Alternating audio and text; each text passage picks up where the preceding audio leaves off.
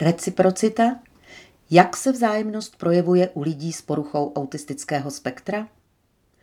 Reciprocita neboli vzájemnost je schopnost být v kontaktu s druhými lidmi, zapojit se do komunikace s nimi, reagovat na ně, vyladit se na ně.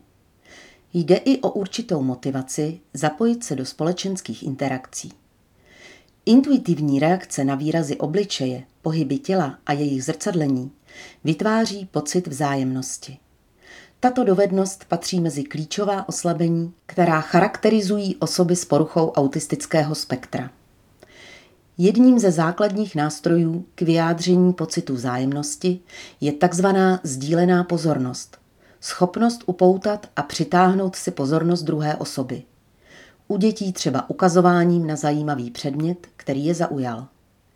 Můžeme to pozorovat v situacích, kdy je pozornost dítěte a druhé osoby zaměřena na stejný cíl hračku, aktivitu, společné téma. Na jedné straně jde o to, jak dítě aktivně získává pozornost druhé osoby, tedy pohled, ukazování, gesta, otočení těla a podobně, ale také jak reaguje na snahu druhé osoby o upoutání její pozornosti. Společná aktivita vyvolává u dětí radost. Být v kontaktu s blízkými patří mezi základní potřeby dítěte, sdílení pozornosti je pro dítě intuitivní a spontánní chování. Paleta možností, jak reciprocitu projevit už v útlém věku. Už u kojenců kolem šestého měsíce pozorujeme snahu získat si aktivně pozornost rodičů výskáním, radostnými pohyby a úsměvem.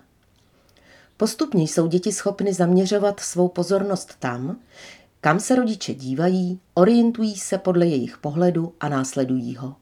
Schopnost sdílené pozornosti je patrná od 8. měsíce a v 18. měsíci si dítě dokáže velmi obratně vyžádat pozornost dospělého.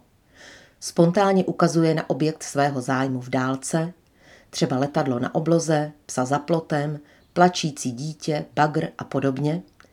Vyčkává, než se na něj rodiče podívají také Podává jim hračky, směje se u stolu, když se smějí rodiče, nemusí ani situaci rozumět. Aby dítě bylo schopné komunikovat s druhými, nemusí nutně umět mluvit a přesto má širokou paletu možností, jak blízké osoby kontaktovat a získat si jejich pozornost. Toto chování je u dětí s poruchou autistického spektra opožděno nebo celkově oslabeno. V batolecím období dítě klade časté požadavky na pozornost rodičů, je schopné si požádat o pomoc, napodobuje chování druhých osob, raduje se ze společného kontaktu a aktivně kontakt iniciuje. U dětí s autismem naopak vídáme menší projevovanou radost ze vzájemného kontaktu. Úsměvy, tleskání, smích, pohledy. Dítě s autismem je méně vnímavé vůči svému okolí, neprojevuje velký zájem o společnou hru, méně se snaží získávat pozornost rodičů, rychle společné aktivity opouští, nenosí předměty na okázku, nereaguje na své jméno či jen sporadicky ukazuje na předměty zájmu. Mnohem méně také reagují na snahy rodičů navázat s dětmi kontakt. Velmi často si děti s autismem nabídek ke kontaktu ze strany rodičů nevšimnou nebo je odmítnou. Reciprocita v předškolním a školním věku. V předškolním období nabývají na významu vrstevnické vztahy, kdy si děti vyměňují hračky a jsou schopny si hračky půjčovat. Děti se snaží získat pozornost ostatních dětí a připojit se k nim. Děti s autismem mývají menší zájem o vrstevnické vztahy. Mnohdy ostatní děti jen pasivně pozorují, nebo si nevšimnou, že si s nimi ostatní děti chtějí hrát. Děti v předškolním období jsou schopny poznat, jak se rodiče cítí a snaží se je utěšit, rozesmát nebo potěšit. Dávají jim dárky, malují pro ně obrázky. Děti s autismem, ačkoliv mohou mít potěšení z jednoduchých sociálních kontaktů a rády se mazlí, mývají obtíže s vyjádřením žádosti o pomoc, méně obratně sdělují své potřeby, přání a pocity. Ve školním věku má dítě rozvinuté konverzační dovednosti, hovoří o svých mentálních stavech a chápe mentální stavy ostatních, zohledňuje je v rozhovorech. Projevuje zájem o druhé, klade otázky, Vypráví zážitky, chlubí se, navazuje bližší přátelství, snaží se kamarády potěšit dárkem. Děti s autismem mývají potíže v projevování zájmu o druhé, neodhadnou, zda jejich vyprávění posluchače stále zajímá, nadměrně lpí na svých tématech. Je pro ně těžší se v rozhovoru vyváženě střídat, odhadnout délku pomlk mezi tématy. Méně často se snaží o rozvíjení dialogu. Méně také zrcadlí mimiku a pohyby druhé osoby při rozhovoru, nebo si jich vůbec nevšímají.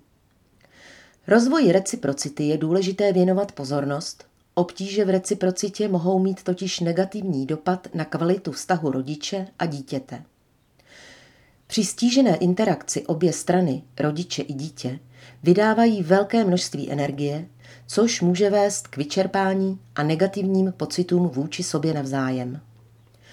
Rodiče mývají potřebu kompenzovat obtíže svých dětí v komunikaci a sociální interakci, proto často přebírají v interakci vůči roli, zahlcují děti pokyny, jsou příliš direktivní a aktivní a nedají dětem dostatečný prostor pro reakci.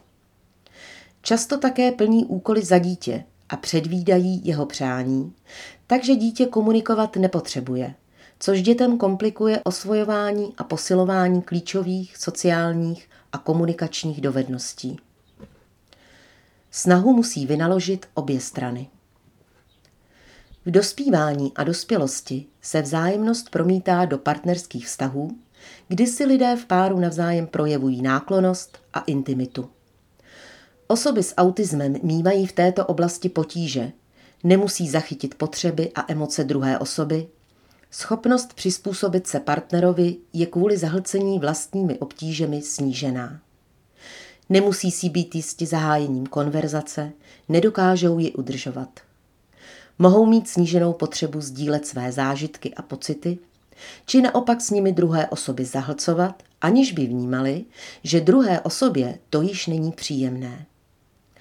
Za správný vztah mohou považovat jen ten, který je zcela bez chyb a perfektní, jenže takový v reálu neexistuje.